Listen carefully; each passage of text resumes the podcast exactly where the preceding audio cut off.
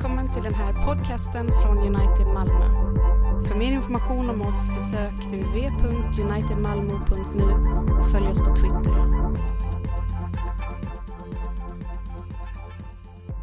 kan förbli stående medan vi lyssnar till dagens predito- predikotext. Det är från Första Moseboken kapitel 25, verserna 19-26. Detta är Isaks, Abrahams sons, fortsatta historia.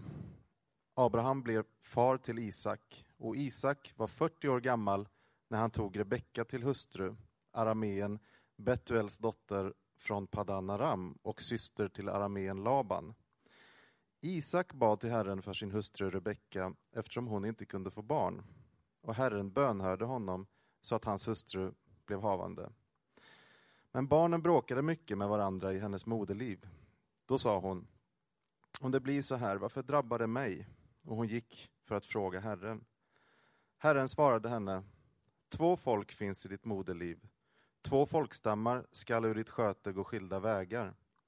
Det ena folket ska bli starkare än det andra och den äldre ska tjäna den yngre. När tiden var inne att hon skulle föda, se, då fanns det tvillingar i hennes moderliv. Den som kom fram först var rödhårig och hade som en hårmantel över hela kroppen. De gav honom namnet Esau. Sedan kom hans bror fram och han höll handen om Esaus häl. Därför fick han namnet Jakob. Isak var 60 år när de föddes. Detta är Herrens ord till oss.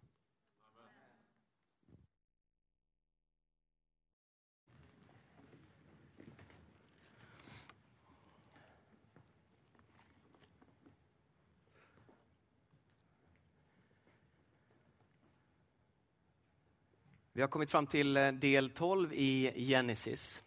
Och eh, vi har gått igenom två stora berättelser. Egentligen är vi i den sista berättelsen. Det är nämligen två stora berättelser genom hela första Mosebok. Den första berättelsen är, eh, handlar om Guds relation innan Abraham. Guds relation med världen innan Abraham.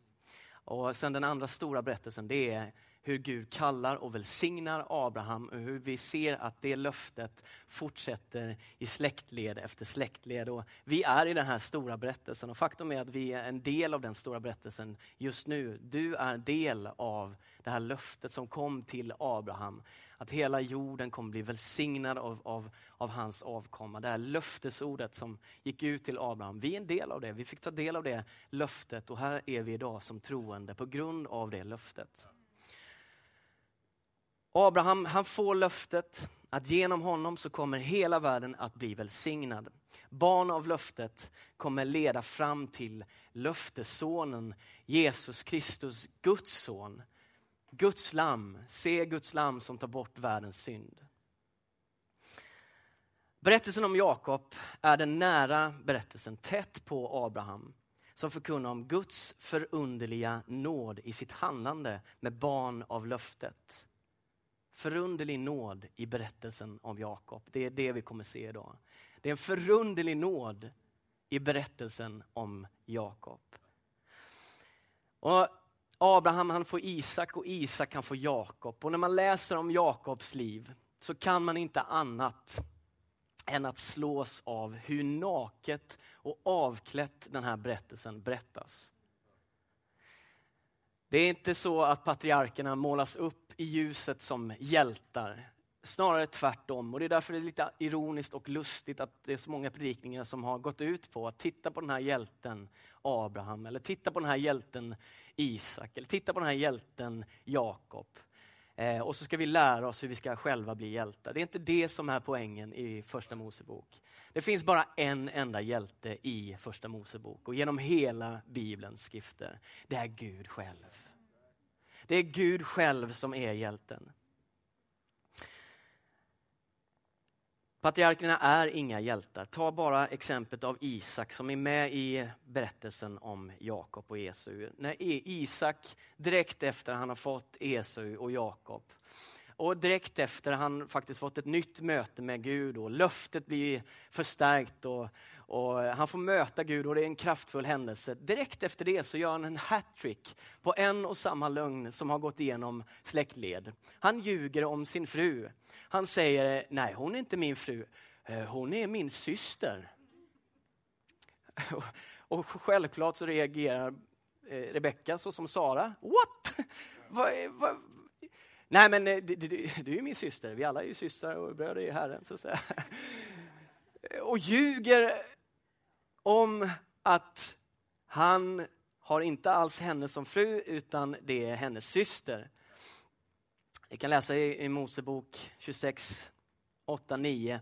Men när han hade varit där en längre tid, alltså Isak, hände det sig att Filistenas kung Abimelek tittade ut genom fönstret och fick se Isak kela med sin hustru Rebecka.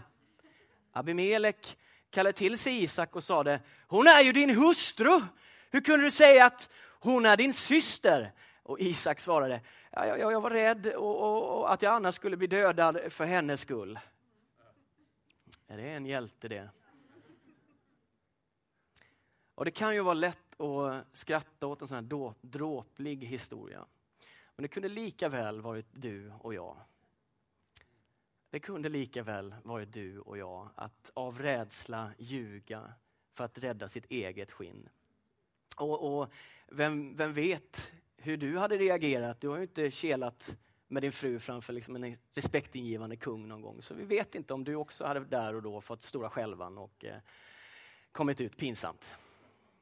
Jag är mer förvånad över att Rebecka vill kela med honom efter att de, han har ljugit. Det tycker jag är mer förunderligt.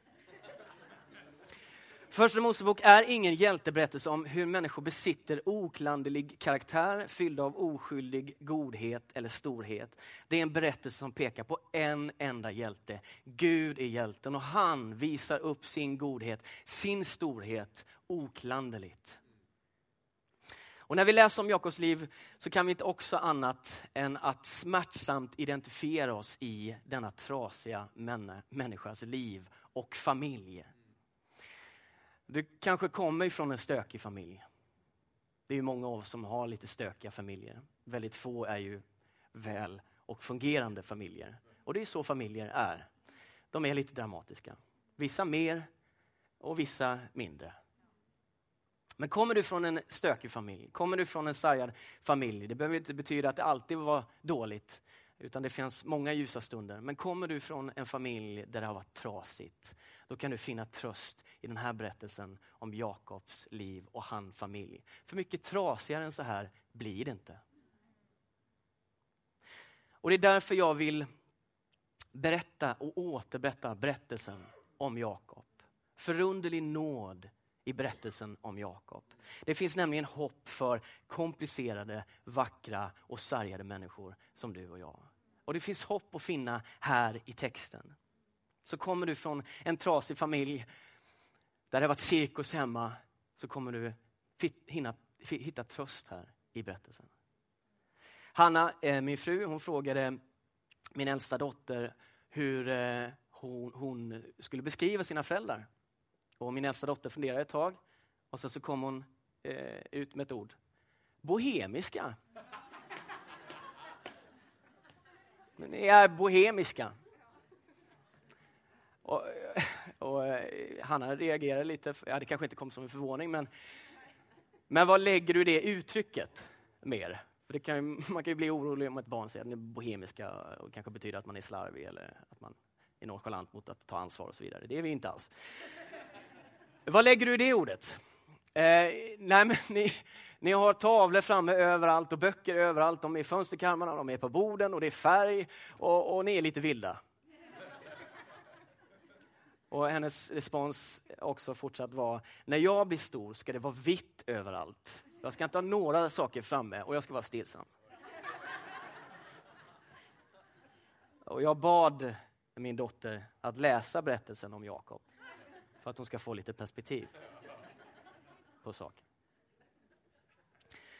Och det är just det vi ska gå igenom, berättelsen om Jakob. Och det får fungera som struktur för predikan. Och sen vill jag landa i den teologiska, för det måste vara teologi också med Den teologiska huvudpoängen eh, i den här berättelsen. Om vi börjar med berättelsen så börjar det med att Rebecka och Isak, de kan inte få barn. De kan inte få barn. Rebecka är ofruktsam, så berättelsen börjar precis likadant som berättelsen om Abraham och Sara. Så börjar den här berättelsen. Det börjar med ofruktsamhet. De kan inte få barn. Och Det är förunderlig nåd i berättelsen om Jakob. För Jakob han har ingen förutsättning för liv överhuvudtaget. Det finns ingen naturlig förutsättning för att det överhuvudtaget ska bli Jakob. Men genom Guds löfte, löftesordet som gick ut, så skapar Gud liv där inget liv finns. Allt det där pekar på jordens och himlens skapare som uttrycker det om och om igen. Det blir inget liv om inte jag skapar det och ger det. Alla försök att skapa liv på egen hand, på egen kraft, märker vi faller väldigt platt på marken.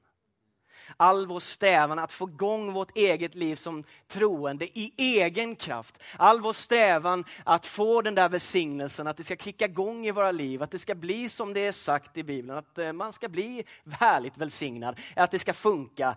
Det där att få igång det i egen kraft märker vi skapar bara död. Utan Gud vill lära oss någonting genom den här berättelsen. Att det enbart är kraft av löftesordet.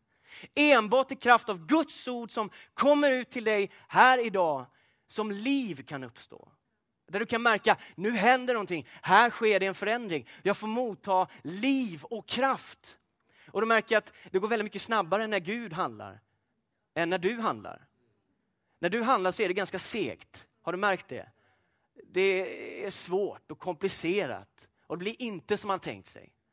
Är det någon som har fått det som man tänkt sig, då vill jag prata med dig efteråt, för då har du förmodligen enorma nycklar som vi alla måste få tag på. Sällan blir det som man tänkt sig, i egen kraft. Men när Guds ord kommer ut så kan du märka att det sker någonting. Mirakel sker och kraft kommer till dig och du upptäcker, här händer det något. Guds ord som kommer till oss, till dig nu, har kraft till liv in i din situation just nu. Jag har haft en tid och en period där jag varit ganska trött. Ah, ganska, det är milt uttryckt. Jättetrött. Och så har man försökt att få igång sig själv. Ni vet när man är sådär trött, man försöker, vad är det för fel på dig? Kom igen nu, var lite inspirerad. Gör de där grejerna innan som du blev inspirerad av. Kom igen, skärp dig. Bli pigg. Och så fick jag uppleva, bara sist här nu, hur, på United Open, hur Guds ord fick komma till mig. Och ändra någonting som har känts som att det tagit månader att få, få igång. Räckte med ett Guds ord till att få liv och få den där wow! Woo! Wow! Guds ord har enorm kraft till att skapa liv och det är så Gud verkar. Och Det är därför du behöver komma till gudstjänst om och om igen och utsätta dig för Guds ord som kan tala in till ditt liv. Där du kan få upptäcka hur Gud formar dig, hur Gud ger kraft, hur Gud ger hopp. Förlita dig på Guds ord, inte din egen kraft. Det är så Gud verkar. Och det är så Gud alltid kommer verka, genom sitt ord. Det är en hoppfull start i den här berättelsen. Gud skapar allt av det som ingenting är. Och hur Gud handlar med Abraham, Isak eh, och, och, och Rebecka och Sara är ett mönster på hur Gud handlar med Israel. Med Guds folk, med dig och mig. Det är nämligen en påminnelse om Israels mirakulösa början och ursprung. Det är en påminnelse om vår, din och min mirakulösa början och ursprung. Rebecka hon får tvillingar, hon bär på tvillingar, hon får barn. Och syndens natur i dessa barn märks redan i magen på henne. De bråkar, det var stökigt där inne. Det var en hjältinna som bar de här barnen. Om Abel och Kain, Ismael och Isak var ledtrådar till att syskonkamp, kamp mellan människor kommer att dominera mänskligheten. Alltså mer för mig betyder mindre för dig. Så är Jakob och Esau det yttersta beviset på detta. Redan i magen, innan de var födda, så bråkade de om att komma först. Men barnen bråkade mycket med varandra i hennes moderliv. När tiden var inne att hon skulle föda, se då fanns det tvillingar i hennes moderliv. Den som kom fram först var rödhårig och hade en hårmantel över hela kroppen. Det gav honom namnet Esau. Sen kom hans bror eh, fram och höll handen om Esaus häl. Därför fick han namnet Jakob och det betyder den som bedrar. Men den äldre ska tjäna den yngre, det fick vi veta i texten, eller hur? Den äldre ska tjäna den yngre. Och det ligger enormt mycket bara i detta och låt mig få återkoppla till det lite senare i predikan. Men vi känner igen det här, eller hur? Den första ska bli den siste och den siste ska bli den första. Och tillbaka i berättelsen så ser vi det tragiska i mänsklighetens svagheter. Rebecka hon favoritiserar Jakob över Esau. Jakob, han blir mammas pojke. Han blir den som blev favoriten. Och jag vet inte om du har upplevt det. Om du kommer från en familj eller om du har varit med i sammanhang, gemenskap, bland vänner, på arbetsplats eller vad du har upplevt det här där du märker, jag är inte lika populär som de andra. Och hur oerhört smärtsamt det är och speciellt i en familj där du upptäcker, mamma och pappa tycker mer om min syster. Eller mamma och pappa tycker mer om min bror. Det är smärtsamt att uppleva. Har du upplevt det så vet du hur det är. Nu säger inte jag att jag har upplevt det, jag var förmodligen favoriten. Mänsklig favoritism är inget annat än att du själviskt identifierar dig med den person som du anser dig själv kunna få känna dig bättre om dig själv. Rebecka gör detta och vi ser att Jakob han, han, blir mammas pojke. Han var en stillsam man som höll till vid tälten och sydde sina egna kläder och lagade mat. Och det här är inga bra förutsättningar för att bli en kraftfull patriark. Det är snarare, snarare motsatsen. Eh, det är inte så man ska bete sig.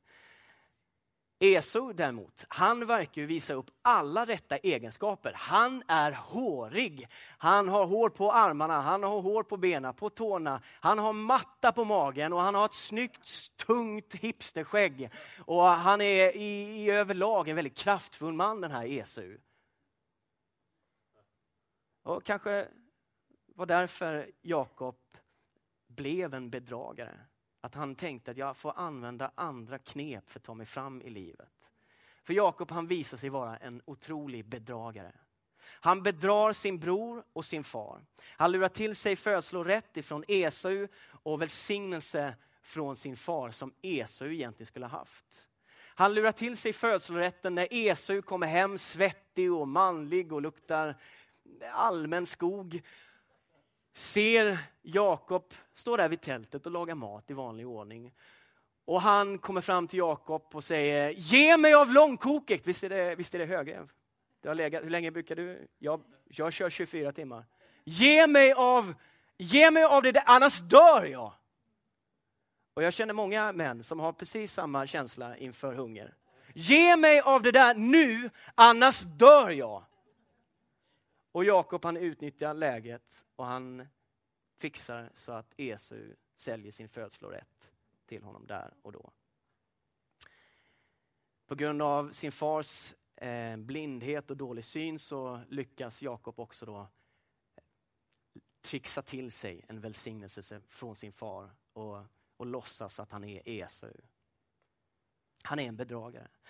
Och Esau, Hans besvikelse över att detta nu, när det här har skett, är stor. Över att han inte finner gunst hos sina föräldrar. Och det får honom att desperat försöka få bekräftelse genom att skaffa sin andra fru, som mamma och pappa kanske skulle tycka om lite bättre. Och kanske de skulle bekräfta mig då, om jag, om jag fixade någonting som de tyckte om. Och det är tragiskt. Jesus försök faller pladask. Det är för sent. Och Esaus hat mot sin broder växer. Och Jakob han tar till flykt. Och det är så bedragare brukar göra. När man blir eh, konfronterad. Man tar till flykt. Och Jakob han tar till flykt. Och den här bedragaren, han på flykt får möta Gud. Och Gud kommer med sin förundliga nåd och, och talar till den här bedragaren. Talar till den här fegisen som har flytt. Och så möter Gud Jakob där och visar en vision och han får se änglar gå upp och ner på en stege som visar på att Gud handlar med den här världen. Gud låter himlen bryta in i den här världen och Gud är med dig. Jag är med dig Jakob. Förunderlig nåd i berättelsen om Jakob.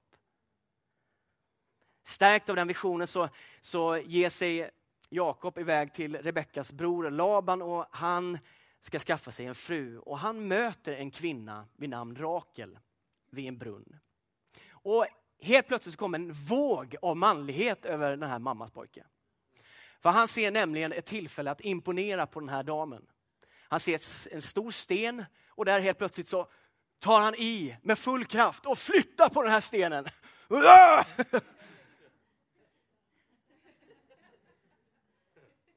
Och springer snabbt fram till, till Rakel och kysser henne dramatiskt. Och där direkt tappar manligheten så att säga och gråter. Ja, män får gråta. Jag, jag, är lite förvånad över att han inte använde liksom en vass tunga istället. Han säger att ja, men jag, jag är kung eller något.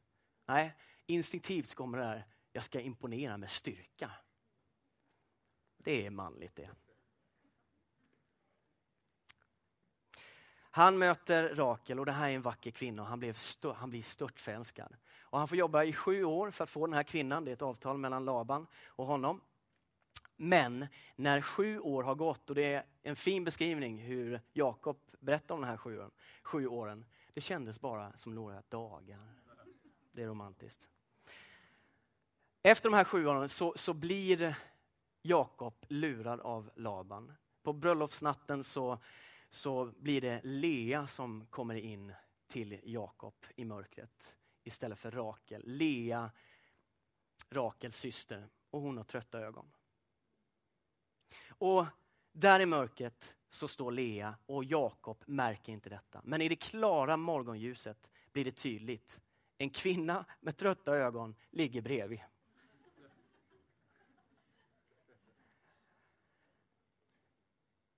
Och lyssna här nu. Så som Jakob lurade hans far i blindo och välsignade fel barn blir nu Jakob lurad i blindo i mörkret av tältet och får fel dotter. Och Lea hon befinner sig vid roten av synden, självrättfärdigheten. Precis som Adam och Eva vill se bättre ut, gömma sin skam bakom fikonlöven, så gömde sig Lea i mörkret. Och där i mörkret så finner hon en kortvarig och ytlig kärlek som bara kommer försvinna så fort hon blir upptäckt. Vi vill förtjäna människors kärlek och Guds kärlek.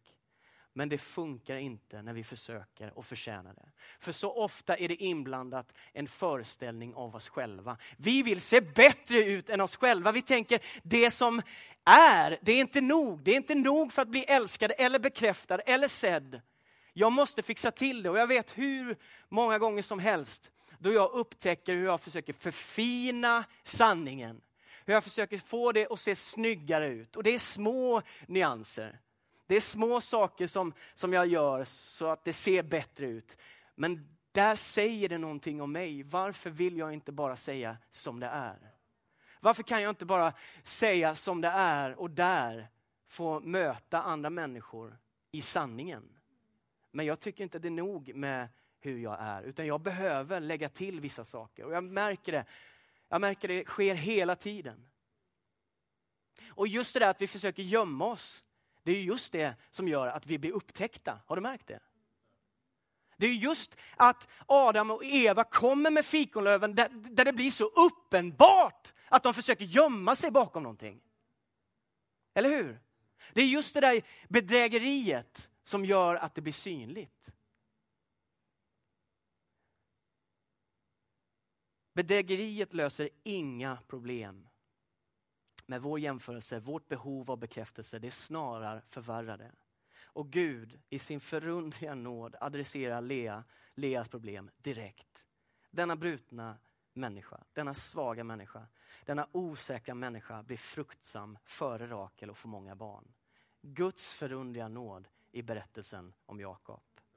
Och den fortsatta berättelsen är sargad av familjeproblem av stora proportioner. Det slutar med fyra fruar, tolv söner och en dotter. Och det är kaos. Det är kaos. Och denna man, han springer mellan fruarna. Och dessa fruar, de, de jagar efter vem som ska ligga först. Ja.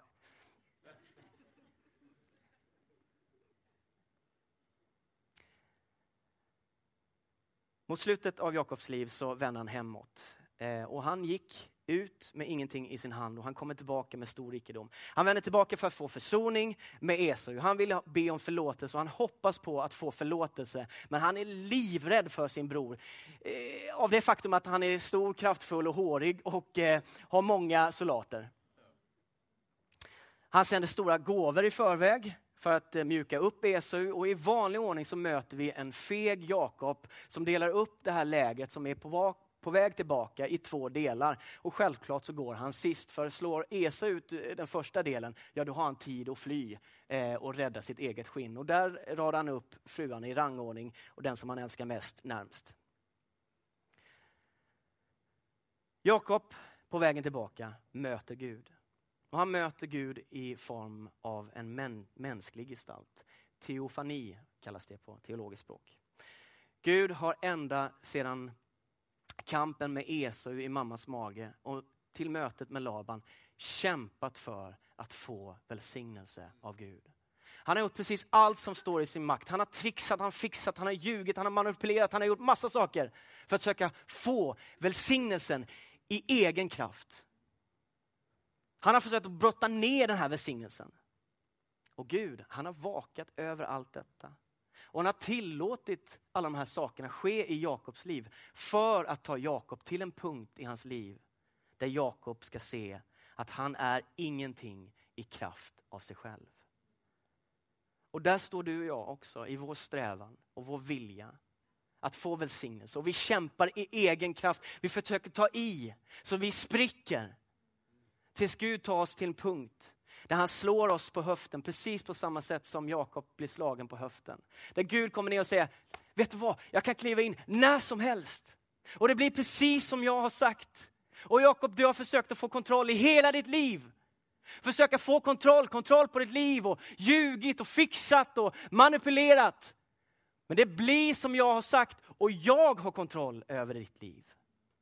Du kommer inte ha kontroll över ditt liv. Du kommer aldrig att få det. Och så säger Gud genom den här händelsen, det kommer enbart ske i kraft av mitt löftesord som du kommer motta välsignelsen. Och Jakob där och då inser att han måste ha den välsignelsen.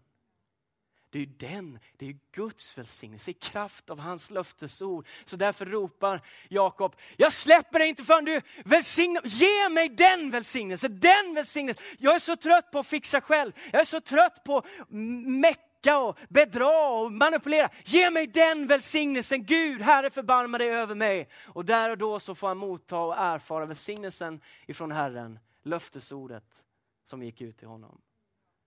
Nu ska du inte heta Jakob längre. Du ska heta Israel. Och han får ett namnskifte. Haltande går han därifrån. Och så är det med våra liv. När vi har fått möta Gud på det sättet, där Gud visar, men vet du vad? All din strävan och allt ditt, dina försök att få till det i egen kraft, det funkar inte. Och det mötet brukar göra oss haltande. Och vi går lite haltande ifrån ett sånt möte men otroligt välsignade. Och vi blir påminda om när vi går där haltande, just det, det är Gud som är i kontroll. Just det, det är Gud som är i kontroll. Det är en välsignelse att du får gå haltande. Han vänder tillbaka till Esau och Esau möter honom. Han blir omfamnad. Jakob, en förlorad människa som blir kysst och omfamnad. Känner ni igen den historien? Och Jakob han säger själv, det är, som jag, det är som jag såg Gud när jag fick det mötet. Vad är då huvudpoängen i den här berättelsen? Och nu kommer vi till den teologiska huvudpoängen. Och du har märkt att det finns ju otroligt mycket av teologi bara i berättelsen. Där du får se den förundliga nåden i berättelsen om Jakobs liv. Men vad är huvudpoängen? Jo, huvudpoängen är detta. Det blir som Gud har sagt. Det är huvudpoängen. Det blir som Gud har sagt. Gud kommer att uppfylla sitt löfte. Det finns ingenting som kan ändra på hans planer att frälsa världen, att kalla till sig ett folk ifrån alla stammar, alla nationer, alla språk. En skara som ingen kan räkna. Ni kommer ihåg utmaningen som Abraham fick att räkna stjärnorna. Och Abraham börjar. En, två, tre, fyra, fem, sex, sju. Oh, skit, jag tappat bort mig igen. Eh, en, två, tre. Och Gud kommer in och säger, du, poängen är inte att du ska räkna stjärnorna. Det, det, det finns 300 miljarder stjärnor bara i vintergalaxen. Det är mer att jag vill göra en poäng, det blir jättemånga.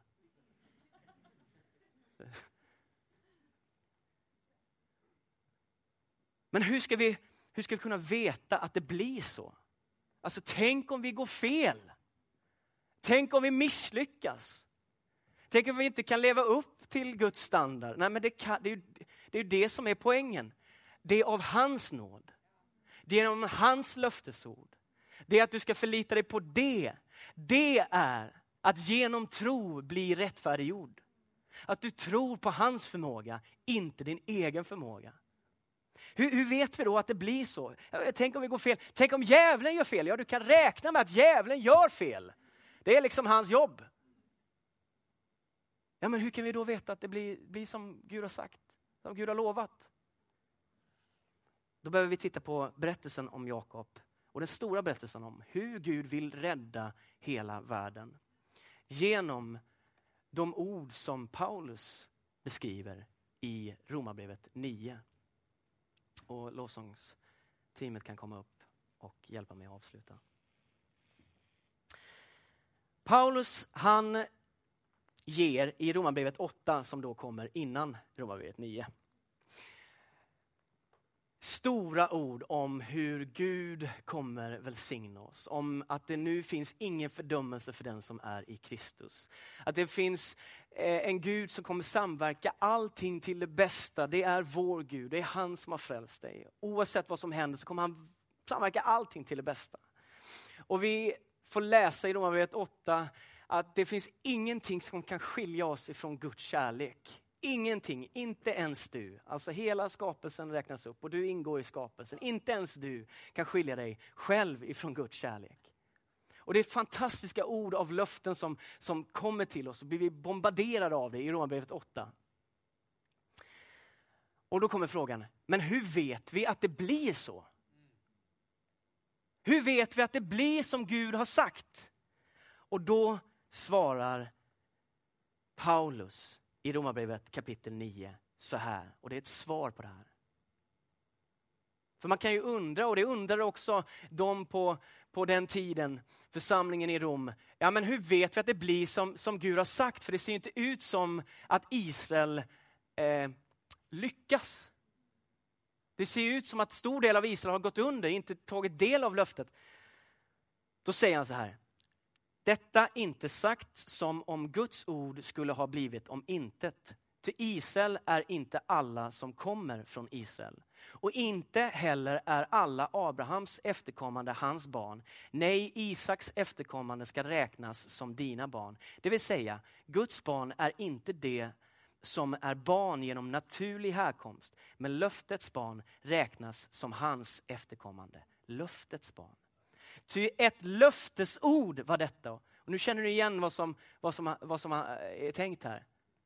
Ty ett löftesord var detta. Vid den tid ska jag komma tillbaka och då ska Sara ha en son. Men inte bara detta, inte bara det. Rebecka fick två söner med en och samma man, vår fader Isak. Innan barnen ännu var födda och innan det hade gjort vare sig gott eller ont sades det till henne, den äldre ska tjäna den yngre. Det blev sagt så för att Guds beslut att välja vem han vill skulle stå fast och inte bero på gärningar, utan på han som kallar. Det står ju skrivet, Jakob älskar jag men Esau hatar jag. Vad ska vi då säga? att Gud är orättfärdig? Nej, naturligtvis inte. Han säger till Mose, jag vill vara barmhärtig mot den som jag är barmhärtig mot och jag vill förbarma mig över dem som jag vill förbarma mig över. Och lyssna nu, nyckeln. Alltså beror det inte på någon människas vilja eller strävan utan på Guds barmhärtighet. Vad säger då den här texten? Ja, det är inte först och främst om predestination eller utväljelse, även om du har tydliga, tydliga signaler om hur Gud handlar i även detta. Men det är en annan predikan. Nej, det är tio predikningar. Det handlar först och främst, det först, första som, som vi ska se när vi ser Romarbrevet 9, det är att det blir som Gud har sagt. Han kommer uppfylla sina löften. Vi behöver inte tvivla på det. Varför? Titta på Jakob och Esau. Titta på förundlig nåd i Jakob och Esau. Han bedragaren.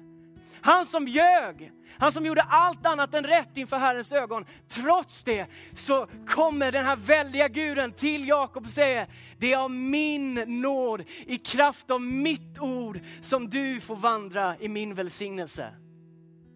Det, det är det som, som Paulus säger när han säger de saker han säger i Romarbrevet 9. Han säger det kommer bli så som Romarbrevet har sagt. Hur vet vi det? Jo, titta på Jakob och Esau. Det blir, det blir så, titta på dem. Ja, förstår du? Om du är uppmärksam av läsningen av första Mosebok så har du sett ett mönster. Gud väljer den yngre sonen före den äldre. Kain och Abel, Ismael och Isak, Esau och Jakob. Och det här är tvillingar från en och samma man i samma kvinnas mage. Det vill säga med samma förutsättningar eller icke förutsättningar. Och här gör Gud en poäng. Båda förtjänade Guds rättvisa dom och straff. En blev given Guds rika nåd. Enbart genom Guds vilja och beslut för att hans härliga nåd ska prisas till hans ära. Vill du vara snäll och inte ta romarbrevet och så snurra till det och fundera på varför Gud väljer och hur han väljer. Vill du stå i beundran inför att han väljer? Inför att den här helige guden som är rättvis, god, sann, att han ger nåd. Enbart på grund av Guds nåd blir Jakob frälst. Enbart på grund av Guds nåd blir du frälst. Det är inte enligt din strävan eller vilja utan genom honom som har lovat. Och i kraft av hans ord, löftesordet, så blir du frälst.